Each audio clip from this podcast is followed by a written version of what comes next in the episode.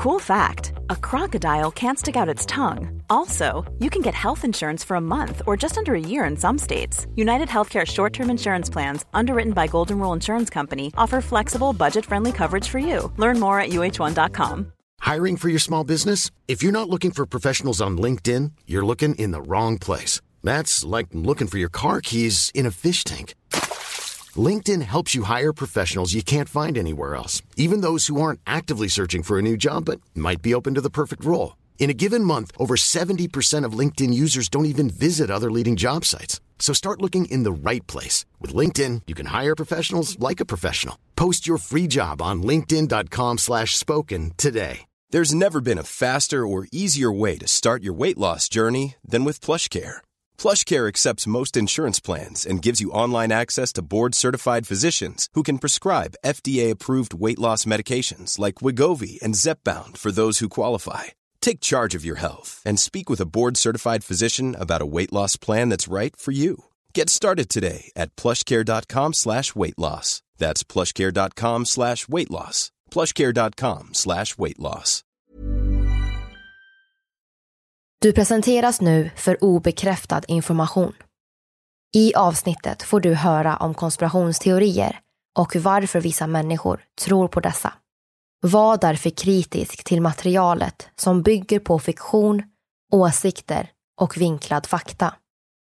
Podcasten kan inte ses som en trovärdig källa.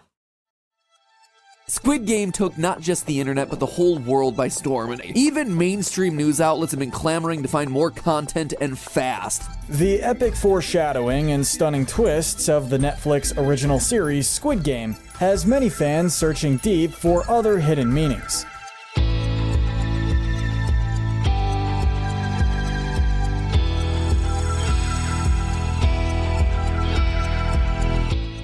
Det här är podden för dig som är intresserad av en annan version av verkligheten. En version som tar upp alternativa teorier, mystiska sammanträffanden och diskussioner om vad som kan vara sant. Mitt namn är Vivi. Och mitt namn är Aida. Och det här är konspirationsteorier. Hej allihopa och välkomna till dagens avsnitt. Mitt namn är Vivi och med oss har vi såklart alltid Aida. Hallå, hallå. Vi kommer att prata om den globala succéserien Squid Game som verkligen gått viral. Den var helt, det var alltså världens snackis förra hösten. Och det här blir ju då lite speciellt för Aida vet inte riktigt vad det är jag kommer att säga. Så eh, det här är helt enkelt ett avsnitt om de teorier som finns i Squid Game. Och innan jag börjar så vill jag säga att jag 100% rekommenderar den här serien. Den är sjukt bra. Ja, nej men den var ju super, super bra. Så ja, jag vill jättegärna rekommendera den till er lyssnare. Ifall ni planerar att se på den så tycker jag att ni ska lyssna på det här poddavsnittet direkt efter och inte innan för eh, det här avsnittet innehåller väldigt, väldigt, väldigt, väldigt mycket spoilers helt enkelt. Så Aira, det var ju då ett tag sedan du såg den här serien så jag tänker att jag påminner dig lite. Kommer du ihåg att i början, så i första avsnittet, så blir vi då introducerade till ett spel som de gör i tunnelbanestationen. Mm, mm. Så där blir vi då huvudpersonen Seong Gi-hun utmanad att vända motståndarens kort. Så han får ju en sån pappers eh, kvadrat, jag vet inte vad man ska kalla vad det är, men den är vikt på ett sätt. Och han ska helt enkelt försöka vända på den som ligger på marken och alltså slänga den på så att den flippar upp. Ja, just det. Ja, precis. Mm. Och varje gång han lyckas vända på den så får ju han då 10 000 won. Det låter jättemycket men det är inte så mycket egentligen. Det är bara 77 kronor i dagens valuta. Så att det här är ju ett första tecken på att man är spelberoende då. Innan spelet börjar så får ju han då välja ett rött eller ett blått kort. Mm. Och det finns nämligen en teori om just det. Och jag vet inte om du eh, kan... Det låter lite Matrix och Ja, där. okej. Så grejen är så här. Nu valde ju huvudpersonen faktiskt blå färg. Men tänk om färgen på korten faktiskt avgör vad för roll du har i Squid Game. Okej. Så tänk om han då hade valt rött istället. Så istället för att bli en deltagare i spelet så skulle han ha blivit en av vakterna som faktiskt höll koll på spelet. Såg till att reglerna följdes och helt enkelt eliminerade deltagarna som antingen förlorade eller bröt reglerna. Mm. För jag tänker så här, om du tänker på det, deltagarna har ju liksom blått på sig. Och de vakterna som är där har ju lite rött-rosa typ. Ja, jo, exakt. Och det blå är väl blågrönt lite så. Men eh, det som är så intressant med den här serien då är ju då att man faktiskt får se och höra hur vissa av de röda deltagarna faktiskt gråter lite innan de går och lägger sig. Och vi vet ju att en polisman faktiskt infiltrerar spelet och helt enkelt går runt som en röd vakt. Då ser vi ju när han eh, liksom ligger där, han hör ju att folk är ledsna. Mm. Tänk om de här vakterna också har stora skulder och att det enda sättet för dem att faktiskt få chansen till ett bra liv är att vara med män som vakt. Teorin lyder ju så att det kanske finns en annan tävling som de har sinsemellan men som inte vi vet om. Men vänta, alltså jag fattar inte. Hör den ihop med den förra teorin? Ja och nej. Så den första teorin är ju så här att den färgen du väljer är liksom det som väljer vad för roll du har i spelet. Blir du deltagare eller blir du vakt? Ja. Och sen så finns det då en teori som går vidare på den här teorin då att de här röda vakterna kanske, ja, väljer du rött så blir du vakt och då kanske de på något sätt får pengar för att vara vakter. För jag menar, de får ju döda folk. Men alltså, Och det är ju inte, ja, nej förlåt, vad sa du? de får ju döda personer och det är ju inte någonting man vill göra. Nej. Men jag tänker också på så här, vet vi hur de blir vakter? Vet vi någonting om dem? Jag kommer inte ihåg. Nej, vi gör ju inte det. Nej, okej. Ja, då fattar jag absolut teorin. Det skulle mycket, mycket väl kunna vara så. Får vi se när någon annan, alltså är det alltid att de får, vilken färg var det på kortet? Var det blått?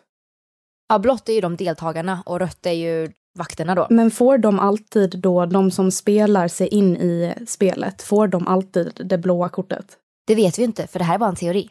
Ja, okej. Det är en teori baserad på den scenen vi får se i första avsnittet. För sen efter det så vet vi ju inte mer. Vi får se lite fler scener och klipp på att andra människor också. Spelar. Ja, det är en teori som, om faktiskt hur man blir vald som deltagare och vad för roll man har i spelet. Mm. Okej. Den andra teorin jag tänkte ta upp är helt enkelt om huvudpersonen då och att han faktiskt färgar håret rött. Och som sagt, det här är en spoiler, så stäng av och kolla på serien först innan ni lyssnar på avsnittet. I sista avsnittet av Squid Game så ser vi då att han färgar håret rött och det gör han ju då efter att han har vunnit spelet och även tagit emot vinsten då. Det här skulle man egentligen kunna se som ett enkelt sätt för filmskaparna att på ett sätt visa att han är nu en förändrad man. Mm. Han eh, har ändrats och eh, spelet har helt enkelt förstört honom eller gett han, alltså han är en ny person. För han har ju fått se många människor dö, inklusive sina egna vänner. Men tänk om det här röda håret faktiskt har en större betydelse än att bara visa på att han har ändrat sin karaktär. För några fans tror faktiskt att hans röda hår är ett tecken på att han kommer återvända tillbaka till spelet. Men att han den här gången kommer vara en av de röda deltagarna istället för att förstöra spelet inifrån Mm. och helt enkelt få ett slut på det hela. Ja, alltså det tror jag garanterat. Ja, ja. För jag, alltså, han måste ju ändå vara med. Det är ju han som är huvudkaraktären. Och det som är så intressant är ju också att vi får ju se i spelet att den här äh, frontmannen, han i svart mask, vi får ju veta att han är en tidigare vinnare och han är ju den som håller i spelet. Ja, så att det tyder ju ännu mer på att han, huvudkaraktären, kommer komma tillbaka och vara en röd. Jag tror det. Alltså, ja, ja, vi hörs igen efter säsong två. Alltså, jag tror det. Men jag eh, alltså, tror lätt på det här också, för det är ju en stor chans, en stor sannolikhet att det kan vara så. För att varför skulle han annars komma tillbaka? För av vilken anledning? Han har fått se sina vänner dö, han har fått se deltagare dö efter varandra. Det är klart att han vill att det här dödsspelet ska ta slut. Mm, precis. Men han kommer ju förstöra inifrån. Det tror jag. Ja, men såklart. Ja. Det som är så kul är ju då att vissa fans tycker att det här är lite överdrivet, att det här är långdraget för att hur ska han komma in och hur ska han få stopp på det och sådär. Men eh, vem vet, alltså det får vi kanske se i säsong två och eh, vem vet, vi kanske är på rätt spår med den här teorin. Men alltså, varför färgar han håret på riktigt? Alltså förändra sig själv eller är det för att han inte vill bli hittad eller vad beror det på? Det är bra frågor, det vet vi inte. Nej, okej. Nej, men okej, den, alltså 100 procent att jag tror på den. Mm.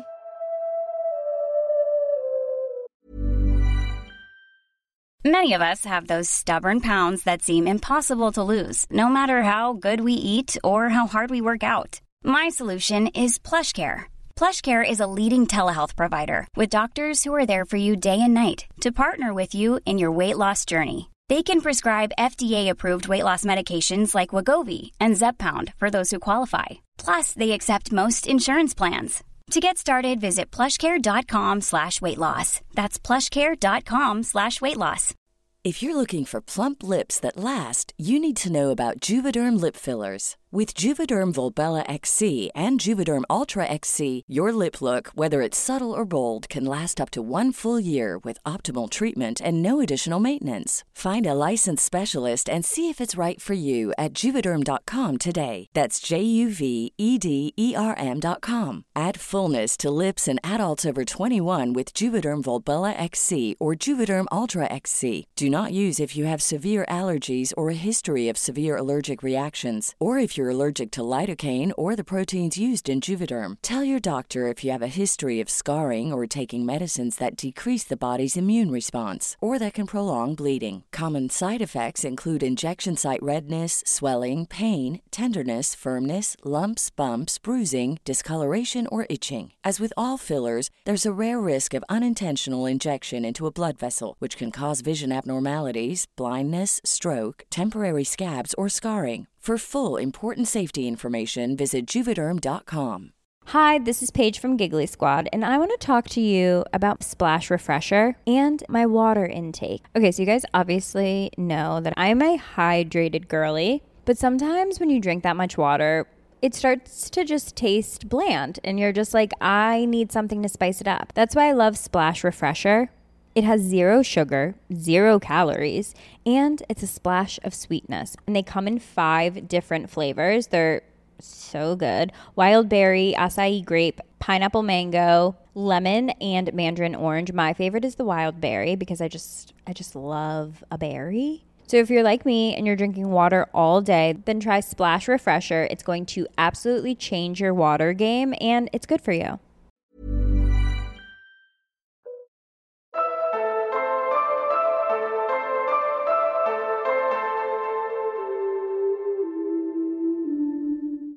Sen har vi då en till teori som faktiskt handlar om deltagare nummer ett, alltså 001. Så i början av serien så får vi se att huvudpersonen då fäster sig vid spelets äldsta deltagare. Det är ju han gamla gubben då. Och vissa fans tycker att det är väldigt märkligt att han har fäst sig vid honom. För spelet går ut på att överleva och det är helt enkelt att den starkaste överlever. Ja. Så varför väljer man att ha en gammal gubbe med en hjärntumör vid sin sida? Som är helt enkelt väldigt svag. Nej, alltså man måste ju ha liksom bra förutsättningar för att klara sig i detta. Och det har man kanske inte om man är gammal liksom. Nej, precis. Vissa fans menar då på att deras vänskap i serien har lämnat en hel del ledtrådar. Och de tror faktiskt att spelare då 001, den här gubben då, och huvudpersonen faktiskt har något form av familjeband. Mm. Vi får ju se huvudpersonen Seong Gi-hun hemma med sin mor, men ingenting nämns om hans pappa överhuvudtaget i serien. Oh my god, är det hans pappa? Det är ju det som är grejen. Fans menar på att det finns ledtrådar i, i hela serien som då tyder på att de på något sätt kan vara relaterade. Mm.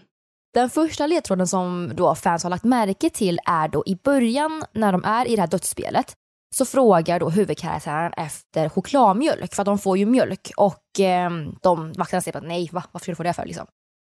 Deltagaren 001, alltså gubben då, märker det här och säger så här, ja ah, men min, min son var exakt likadan. Han gillar också det här. Så det är första ledtråden. Mm. Vilket är kanske långdraget för jag menar, vem gillar inte chokladmjölk? Ja, men det är också en serie. Ja, men precis. Men det här är inte det enda som fans har hittat. För i en annan scen så får vi se huvudpersonen Seong Gi-hun och deltagaren 001 prata om de likheter som finns i scenografin i en utav spelrundorna. Ja. Så i en utav spelrundorna så kommer du ihåg att vi får se att de pratar om att området liknar deras gamla grannskap som de båda växte upp i. Ja, när de kastar kula. Exakt. Och det här får ju då många fans att misstänka att deltagare 001, alltså gubben då, faktiskt är huvudpersonens pappa. alltså det är inte långdraget heller för jag menar de båda växte upp i samma område och det här med chokladmjölken och de har fått ett bra band tillsammans och vi vet om att huvudpersonen inte har nämnt någonting om sin pappa. Så att, mm. Och det stämmer ju typ med åldern också att det skulle kunna vara hans pappa. Mm. Jag tror absolut att eh, han skulle kunna vara pappan. Det känns jätterimligt. Det som får mig mest att tro på detta är när de kastar kula. Att han liksom gick in där och bara typ här eh, har jag bott eller någonting. Mm. Och att det så här, man ser ju på dem båda att det är någonting där. Mm, mm, precis. Sen så har vi då en annan teori som jag tycker är väldigt uppenbar. Och det är nämligen så här att i början av spelet så ser vi att deltagaren 001, alltså den eh, gamla gubben då, han är på något sätt liksom maskerad som en uteliggare i början i jämförelse med de övriga spelarna. För de andra spelarna som är med i det här spelet har någon form av spelmissbruk, men inte han. Så förutom den här observeringen då som folk har lagt märke till. Är det när han eh, sitter på det där eh, matstället? Mm, precis. När eh, huvudpersonen då faktiskt frågar så här, varför vill du vara med? Och han snackar om att han är sjuk och han har ingenting mer att göra så han vill få lite mer adrenalin, lite mer, att det händer mer innan han Mm. går bort så. Men vad då har alla miss- spelmissbruk? Även hon tjejen? Mm, hon eh, tjejen som är skitjobbig som skriker. Ja. Ja men alla är på något sätt, alltså inte spelmissbruk, men alla är på något sätt i väldigt stort behov av pengar. Ja, precis. Och han är ju inte det, han är ju på sin dödsbädd. Ja, precis. Han passar ju inte in. Exakt, så förutom den detaljen så är han också den enda deltagaren som faktiskt är otroligt mycket äldre än de andra. Och han är också den enda karaktären vi inte får en bakgrundshistoria om, trots att han i början är en stor biroll. Just det. Mm. Nej, precis. Det som är väldigt märkligt är då att han har ett förvånansvärt strategiskt tänk för någon som är allvarligt sjuk, som liksom har en hjärntumör. Mm. Och förutom den här observationen då som fans har märkt så har de också sett hur otroligt entusiastisk han faktiskt var inför varje dödsspel. Trots sina otroligt stora nackdelar. Han är gammal, inte stark, han är väldigt sjuk och allmänt långsam. Så varför var han så himla taggad inför varje dödsspel? Svaret på det är ju Mm. då att man tror att deltagaren 001, alltså den gamla gubben, faktiskt fick vara med och spela för att han visste alla grenar som skulle komma och vad han skulle välja för att klara sig. Ja, jag tänker vi får ju veta att han är en sån här vipp. Exakt, eller att han är skaparen av spelet då. Mm.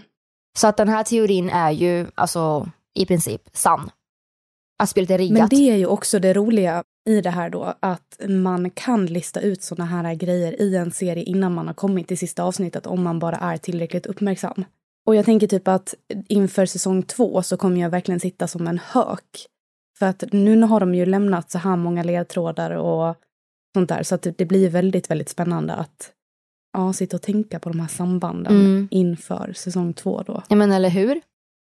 En till grej då som liksom stödjer den här teorin att spelet är riggat för honom då är om man observerar deltagaren 001 jättenoggrant så ser man faktiskt hur han gläds åt att fortsätta gå i det första spelet med den här dockan du vet. Alltså rött eller grönt ljus. När man får se den här dockan som skjuter folk. Vi ser ju hur Mm. han glatt hoppar fram.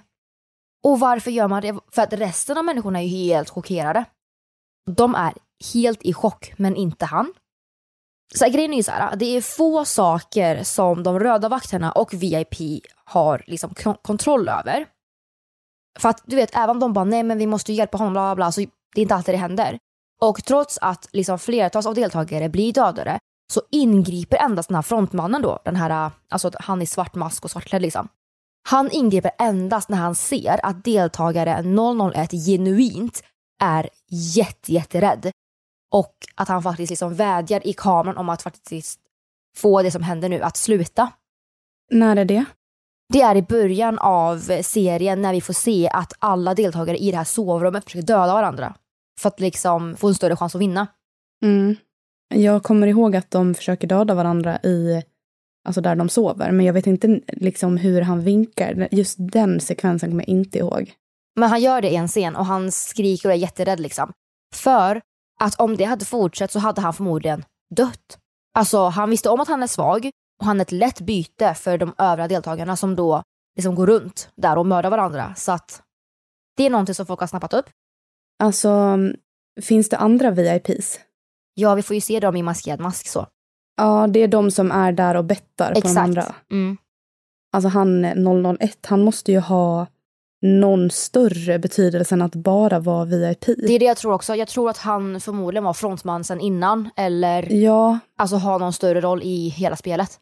ja, för att alltså, det går typ inte ihop när det finns massa andra VIPs där och att det ändå är han som är med och är med i spelen. Jag älskar hur du funderar. Men ja, nej det stämmer. Alltså jag håller med din observering där. En teori var ju just det här med att de som arbetar kan vara de som fick det röda kortet. Kommer du ihåg det?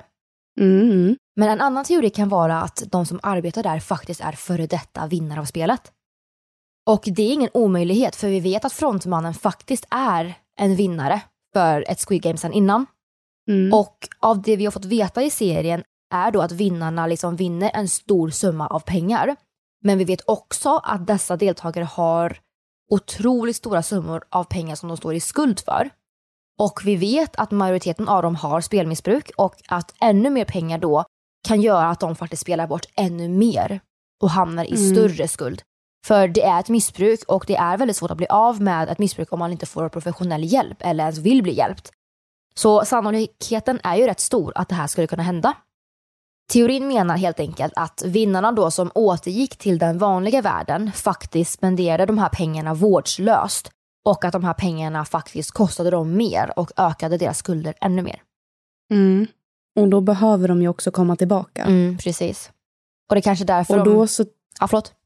Nej, men jag tänker att ehm, typ den här teorin om att de kanske har något form av eget spel, den kanske typ stämmer. Ja, vad menar du? Eller hur tänker du här? Jag tänker att det här spelet typ är uppbyggt så att man ska misslyckas vad man än gör. Och att man måste komma tillbaka hela tiden. Och att så här, du får först kanske vara en eh, spelare och sen så blir du en sån här röd vakt. Så här, då fortsätter spelet på något sätt och sen får du spela och sen så kanske det är någon form av spel med de här VIP-människorna också. Men alltså att det blir liksom en konstant loop. Mm, att det blir en ond cirkel så. Mm. Men det skulle kunna vara så, faktiskt. Om vi ska tänka på liksom, ja, men VIP och spelarna och deltagarna då, så vet vi ju från serien att deltagaren 001, som också är skaparen av spelet, han har faktiskt koll på deltagarna.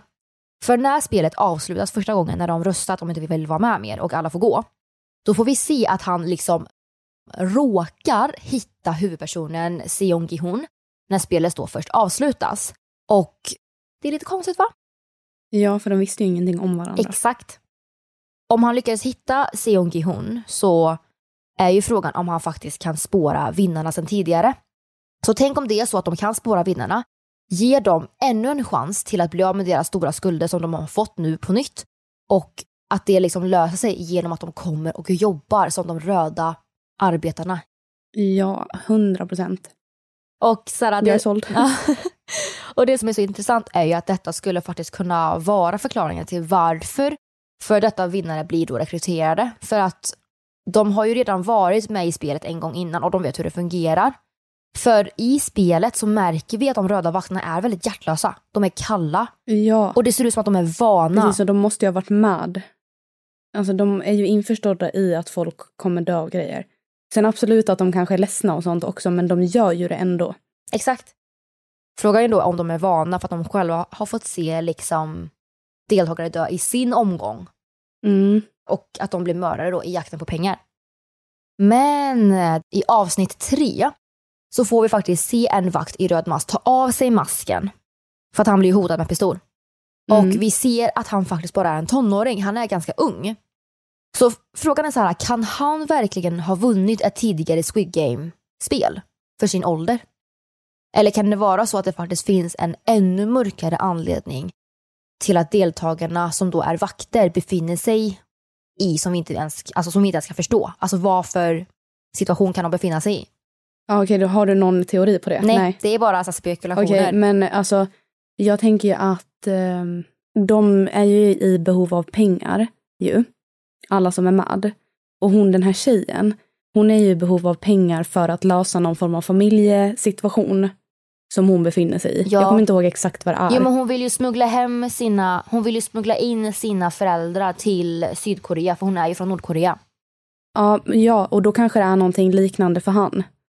Mm. Så skulle det verkligen kunna vara. Ja, jag tänker typ det. Sen vet inte jag om de har någon åldersgräns på spel och så här vad det är. Man måste ju kanske uppenbarligen vara 18 om man ska hamna i någon skuld för något hus eller någonting man har köpt. Men eh, han kanske har trasslat till det på något annat sätt eller att hans familjemedlemmar har trasslat till det.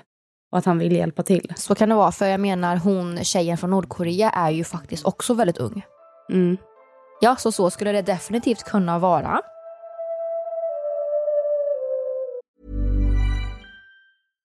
Hello, this is Danny Pellegrino, host of the Everything Iconic podcast, and I'm here to tell you all about Splash Refresher because hydration is mandatory, but boring is not. Now, I love my water, but if I don't spice it up, I'm not going to finish what I took out of the fridge. That's why I love my Splash Refresher, which is flavorful, delicious, bright, hydrating, and zero calories. The wild berry flavor is my fave.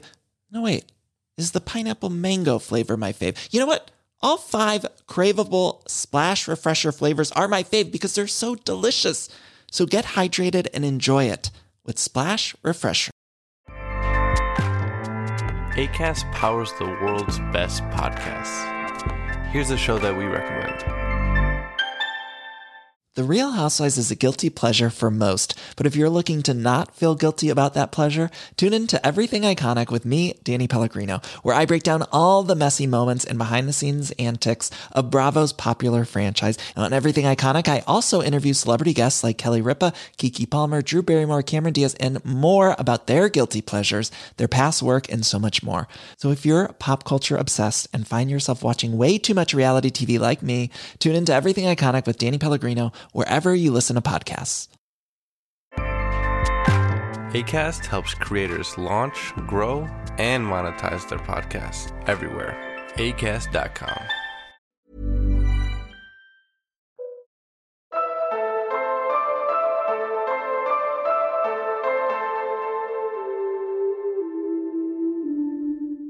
En annan teori då handlar om när spelet faktiskt först avslutades då, så den första gången när alla röstade om de ville vara kvar eller inte. Så vi vet ju att majoriteten röstade för att de inte ville vara med i spelet. Men vi vet också om att majoriteten kom tillbaka. Mm. För verkligheten påminner dem återigen om att de faktiskt är i desperat behov av pengar och att det livet de har nu, det är inget liv, det funkar liksom inte. Men en intressant grej är att faktiskt 14 personer kom faktiskt inte tillbaka. De ville inte sätta sina liv på spel för pengar, och vilket det är väldigt rimligt. Men av alla så var det bara 14 som inte kom tillbaka. Mm. Och i serien då så ser vi att frontmannen då, alltså han med svart mask, han säger då till de övriga arbetarna att hålla ett öga på de som väljer att inte komma tillbaka. Vad kan han mena med det? Undrar ju folk då. För det här är ju ett hemlighetsspel. De vill ju inte att det ska komma ut. Ingen får veta att det här finns. Det är ju topphemligt. En teori då till att stoppa att information läcks är helt enkelt att de här 14 personerna faktiskt blev erbjudna möjligheten att betala av deras skulder genom att bli en del av de röda maskerade vakterna som faktiskt då för det mesta är säkra så länge de lyder de regler som finns. Ja, för det kan också vara ett sätt då varför man vill bli en sån här rödvakt. För det finns ju inte mycket argument för att man skulle vilja jobba som en sån. I och med att man får se, alltså man är med och liksom dödar människor. Mm. Det är lite som det här med rött och blått typ igen. Att de får ett form av val då. Exakt. Och om det här stämmer så skulle jag säga att de här 14 personerna är på ett sätt lyckligt lottade för att deras egna liv går inte till spillo. Och de blir på ett sätt försäkrade om att de kommer få ett bättre liv när de kommer ut. Eller om de ens kommer ut, det vet vi inte. För vem vet, det här kanske är ett jobb för livet. Ja, det kan ju vara det. Det beror väl kanske på lite hur mycket pengar de här som gör det här spelet faktiskt har.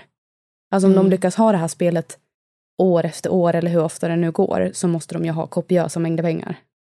Ja, nej, de här 14 personerna är ju lyckligt lottade att de inte får dö själva. Men också olyckligt lottade för att de får ju mörda deltagarna. Alltså de, de blir ju mördare. Ja, men jag tänker typ att det är en väldigt enkel väg ut. Frågan är om det verkligen är så här. För att det känns typ så här, det känns lite fusk eller vad man ska säga. Alltså jag tycker typ synd om de andra deltagarna som faktiskt är med i spelet och krigar om det här. Om det fanns en valmöjlighet att få bli en röd person och klara sig undan att liksom hellre en sån än en som är med. Mm. Eller det kanske är jättehemskt att jag säger så. Ja, men det handlar ju om att tänka på sig själv och om man ska utgå från den, det tankesättet så är ju det bästa för dig själv att bli en vakt. Ja, ja precis. Det är ju det säkraste valet. Mm. Om vi säger att de 14 deltagarna som inte kommer tillbaka till spelet tillsammans med de tidigare deltagarna för Squid Game sen innan över åren då som heller inte kom tillbaka för de har ju förmodligen också fått rösta om de vill vara med eller inte. Så måste det i alla fall innebära att det är ungefär över 100 deltagare då som går fritt. Just det. Men det här går ju inte. Det här kan inte vara möjligt för Squid Game är som vi sa innan, det är topphemligt. Mm. Ingen får ju veta det här. Och då tänker fans här att i spelet så ser det ut som att det är ungefär ja, över 100 vakter i Squid Game. Så ja, det här är också en till indikation på att teorin kan stämma. Att de som inte ville vara med i spelet helt enkelt inte behövde spela spelet men blev Nej. vakter. Det känns typ fett risky, alltså om man vill ha ett sånt här spel då. Att släppa lös så många människor efter varje omgång då. Mm. Som typ kan avslöja detta. Det känns inte rimligt. Alltså, jag tänker också att de kanske ber dem att hålla ett öga på dem för att i så fall mörda dem. Så att de inte liksom råkar säga någonting, för då får de ju plocka dem.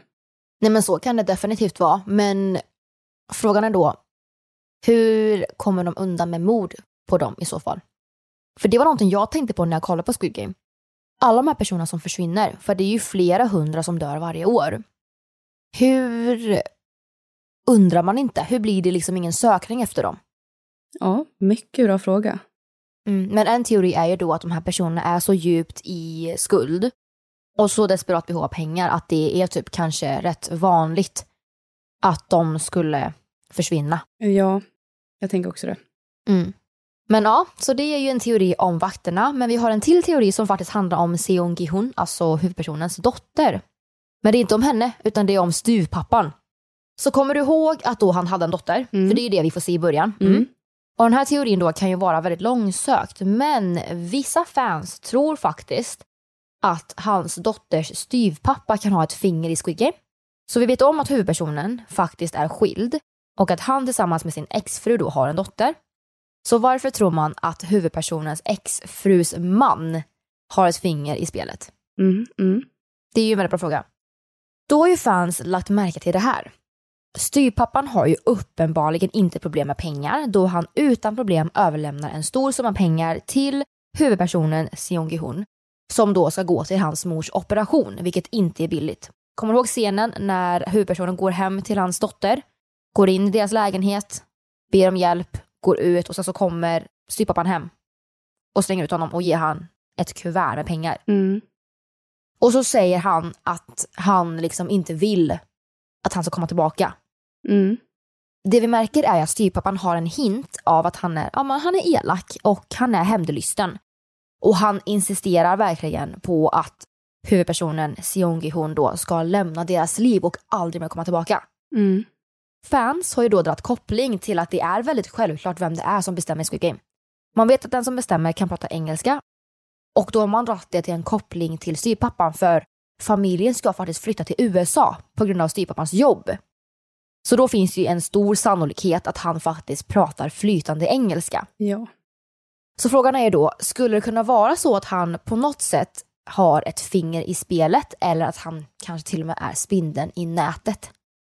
Sannolikheten då att det här stämmer är ju då väldigt liten, men kom ihåg också att allt kan hända i Squid Game.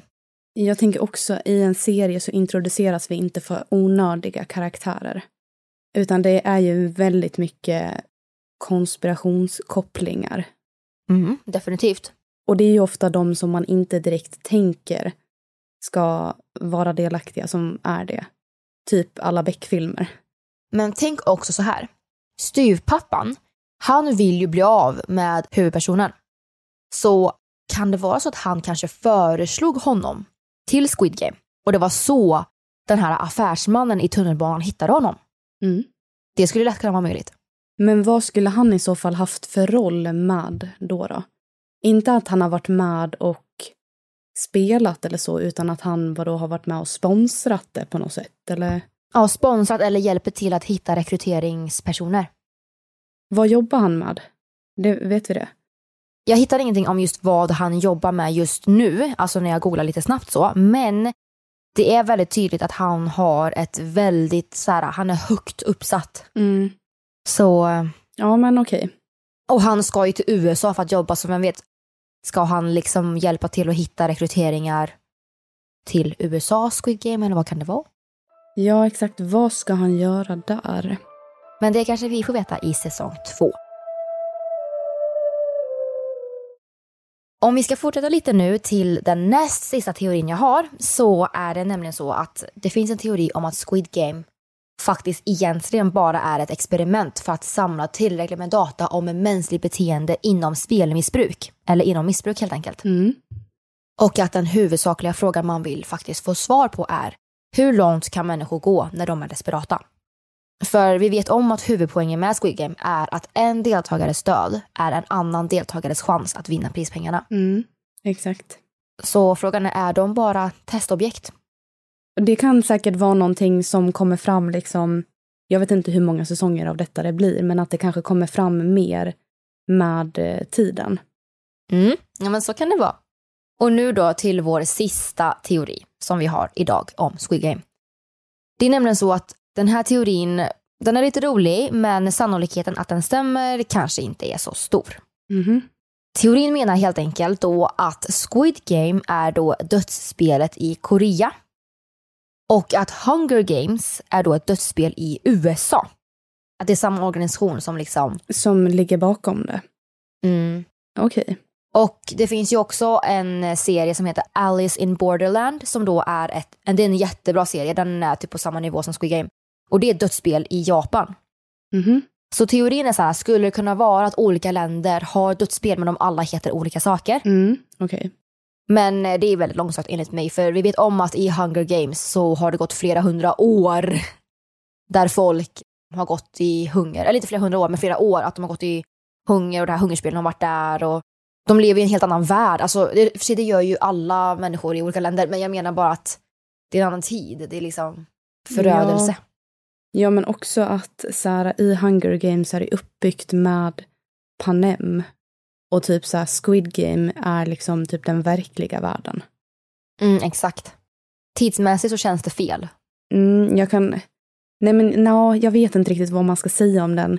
Det känns mer som att det är att vi människor har ett intresse av att titta på sånt här och att man i olika länder gör såna här serier för att det tilltalar oss.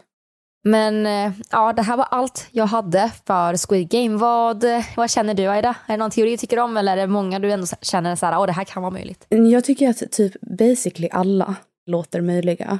Mm. Faktiskt. För att vi vet så himla lite om de här karaktärerna än så länge. Och det känns som att det blev väldigt många twister i eh, serien med tiden och att det, man tänker då att det kommer komma ännu mer i säsong två.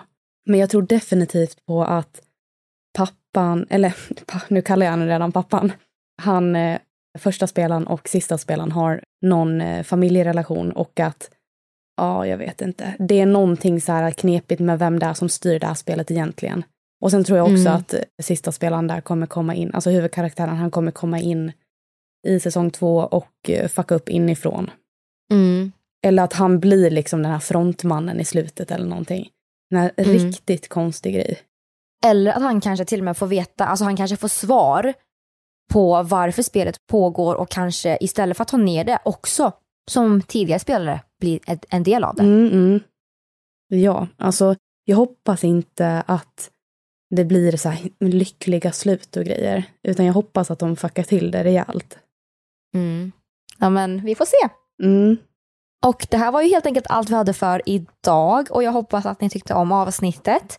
Som sagt, Squid Game är en jättebra serie så när ni har lyssnat på det avsnittet nu så tycker jag för er som har sett den att ni ska kolla om och ha de här teorierna i baktanke. Ja, jag ska typ göra det. Men det Ja. var en bra serie alltså. Det är en jätte, jättebra serie. Vet vi någonting när säsong två kommer komma? Det är ingenting som har blivit liksom, eh, eller det har ju blivit liksom Det bekräftat. bekräftat. Ja. Ja, men vi vet inte när. Jag tänker ju att eh, om ni lyssnare tycker att det här var ett intressant avsnitt så kanske det hade varit intressant att följa upp de här teorierna när säsong två har kommit och se vad det var som stämde, om det fanns någon teori som stämde och också liksom diskutera om det har kommit några nya teorier med den nya säsongen. Så skriv in om ni vill ha ett sånt avsnitt. Och eh, glöm inte bort att vi finns på Facebook och Instagram där vi heter konspirationsteorier.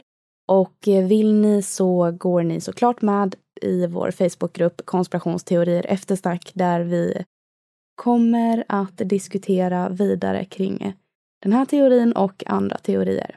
Och jag hoppas som sagt att ni tyckte om avsnittet och vi hörs i nästa hörni. Det gör vi. Ha det så bra tills dess. Hej då! Hej då!